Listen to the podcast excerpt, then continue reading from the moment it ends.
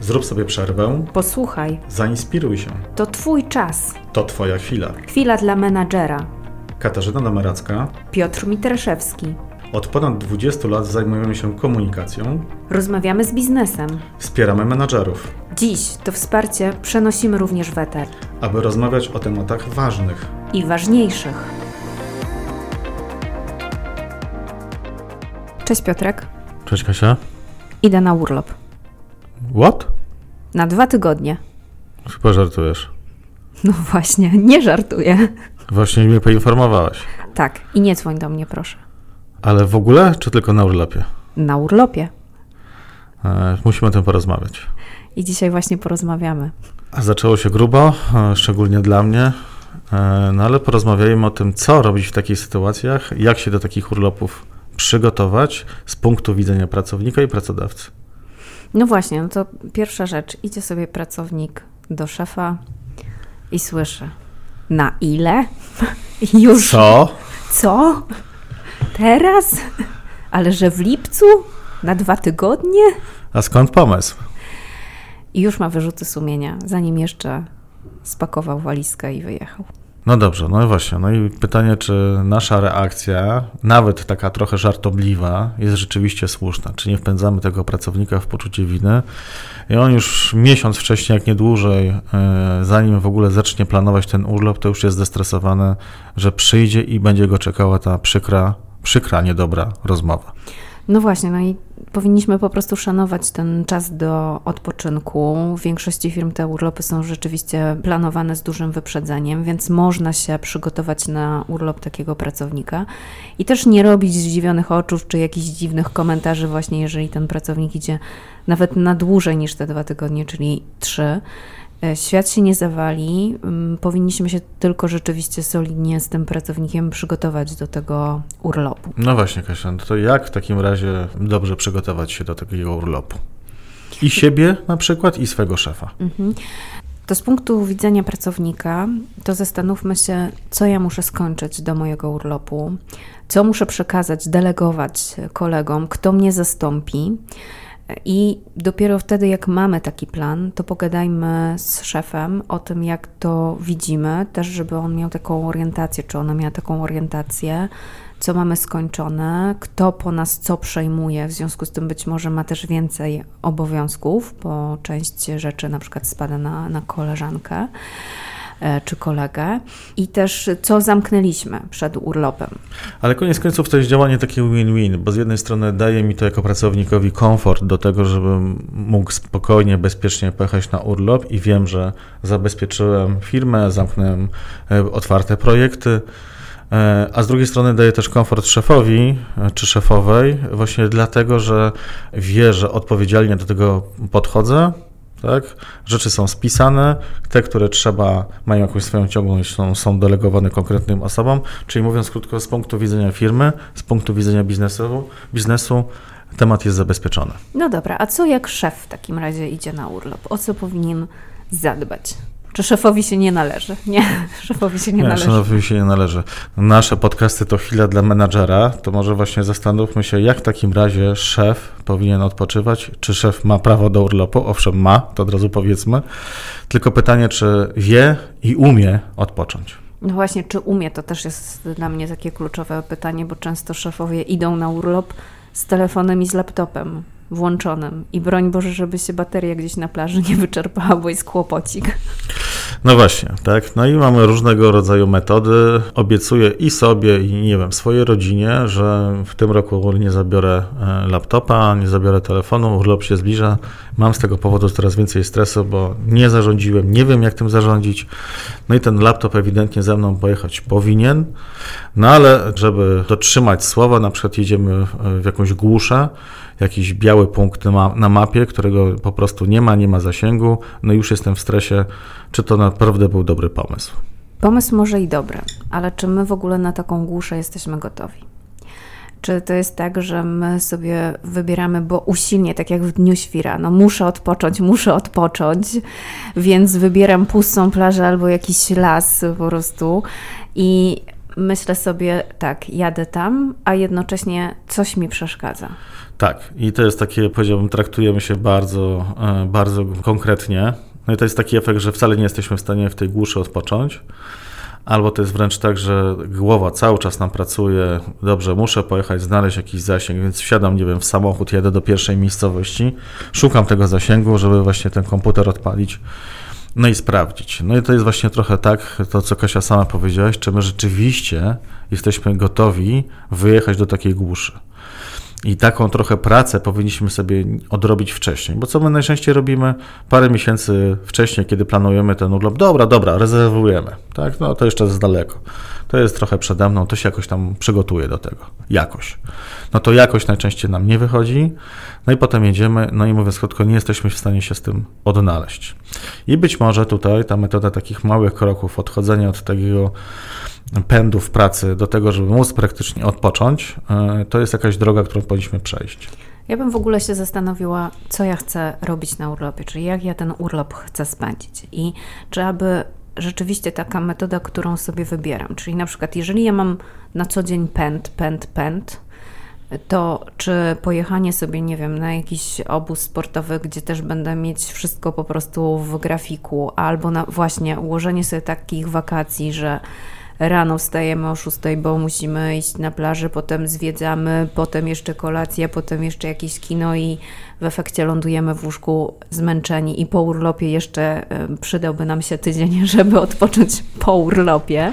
No właśnie, to jest taki mo moment, kiedy, kiedy w pracy żyjemy z agendą i na urlopie również żyjemy z agendą. Tak, czyli żeby, żeby się zastanowić, jak e, w takim razie wyrwać się właśnie z takiego swojego kółka, w którym jesteśmy na co dzień. I co mam na myśli? No jeżeli my żyjemy w pracy z agendą, to być może postawmy sobie na jakieś spontaniczne wakacje.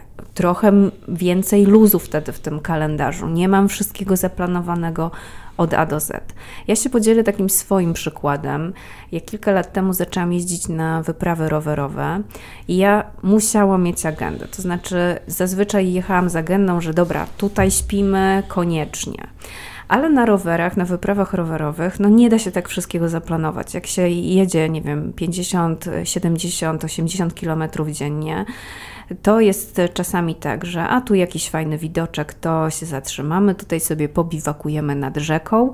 No i tak mniej więcej około południa zastanawiamy się, albo po południa zastanawiamy się, gdzie nocować. No dla mnie ta spontaniczność była nie do przejścia i rzeczywiście bardzo na swojej pierwszej wyprawie rowerowej bardzo mocno z tym walczyłam, żeby wyrzucić sobie jakąś agendę z głowy i żeby mieć taką spontaniczność. Ale to była też dla mnie bardzo dobra lekcja właśnie, żeby od takiej agendy odejść i poczuć trochę luzu na wakacjach. No i jakie były kolejne wyjazdy, Kasia?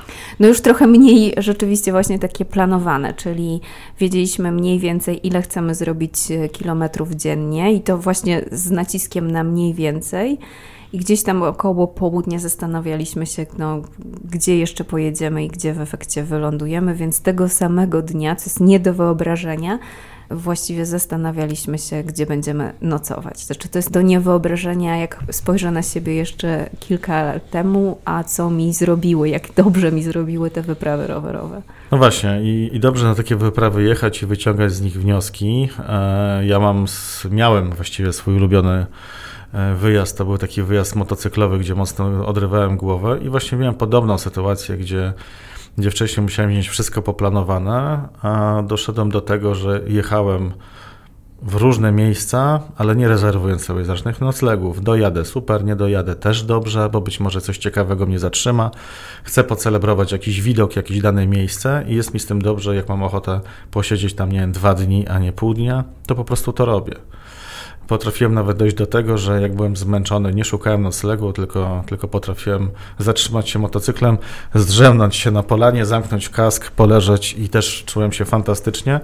Ktoś może powiedzieć, no to, to już może trochę przesada, a dla mnie to jest jedno z fajniejszych wspomnień, jakie z tych wyjazdów mam. Tak, bo takie kimnięcie się pod chmurką, no to potem się bardziej wspomina niż kimnięcie się w jakimś apartamencie, nie? No prawda. Ale wróćmy może do tego przykładu, gdzie powiedzieliśmy sobie o tej białej plamie e, na mapie. No bo to jest właśnie taki moment, kiedy rzeczywiście jestem w ogromnym biegu, wyjeżdżam w takie miejsce, nie potrafię się odnaleźć, no i co wtedy? Czyli mówiąc krótko, można powiedzieć, trochę mleko się już wylało, to jak w takim razie jeszcze uratować tą sytuację i jednak spróbować mimo wszystko trochę odpocząć? No ja to trochę traktuję tak, jakbyś wychodził z jakiegoś uzależnienia się od telefonu i od e, laptopa. E, niestety metodą szokową możemy to zrobić, czyli odkładam i próbuję wyjść na spacer, próbuję nawet z kimś o tym pogadać, że mam, że mam taki problem, to często też rozładowuję jakieś napięcie, które się tworzy na, na urlopie właśnie w takim sensie, że, że ja nic nie muszę, więc nie muszę też sprawdzać tych maili, bo jestem na urlopie i świat się nie zawali. Ale sobie myślę, że też gro pracy, którą powinniśmy wykonać, to powinna się mm, odbyć przed naszym urlopem. Czyli domknąć tematy, które mogę domknąć. Też przygotować zespół na to, że mnie po prostu nie ma. Ja nie będę sprawdzać e, tych maili że oczywiście, jeżeli coś takiego się będzie działo, co już będzie wymagało jakiegoś przegadania ze mną, to dzwoncie, ale dopiero kiedy naprawdę nie będziecie widzieć rozwiązania.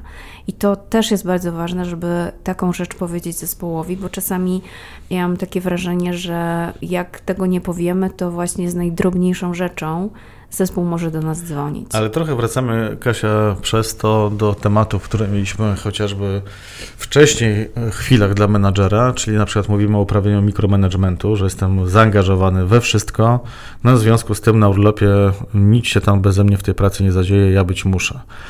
No i to, co sobie mówimy o tym, że właśnie pewne rzeczy muszą się nie tylko do, do, urlopu zadziać, do naszego urlopu powinniśmy się przygotować, ale również na poziomie zarządzania, delegowania, odpowiedzialności również. To jest jeden z elementów, który jest bardzo ważny przy naszym dobrym odpoczynku. No i ty powiedziałeś o tej terapii takiej szokowej. E, mm, z jednej strony to jest jedna z metod. Myślę, że też kolejną metodą może być też to, że mimo wszystko na ten szok nie jesteśmy w stanie od razu być tak, tacy gotowi. Porozmawiamy sobie z kimś na ten temat. To już dużo na pewno, ale być może jeszcze przez ten, nie wiem, pierwszy dzień, drugi, trzeci tego urlopu jednak weźmiemy tego laptopa, pojedziemy do tej najbliższej miejscowości, poszukamy zasięgu, sprawdzimy te maile, odpowiemy na nie, ale z takim założeniem, że robię to przez najbliższe trzy dni i otwarty komputer mam na przykład tylko przez godzinę, potem go zamykam. Tak? Czyli jest to jakaś sztuka kompromisu, ale do czegoś ma nas doprowadzić. Tak? To ja wolę tą terapię szokową. No właśnie. Niż takie to... powolne dawkowanie się, czyli odłączanie od aparatury.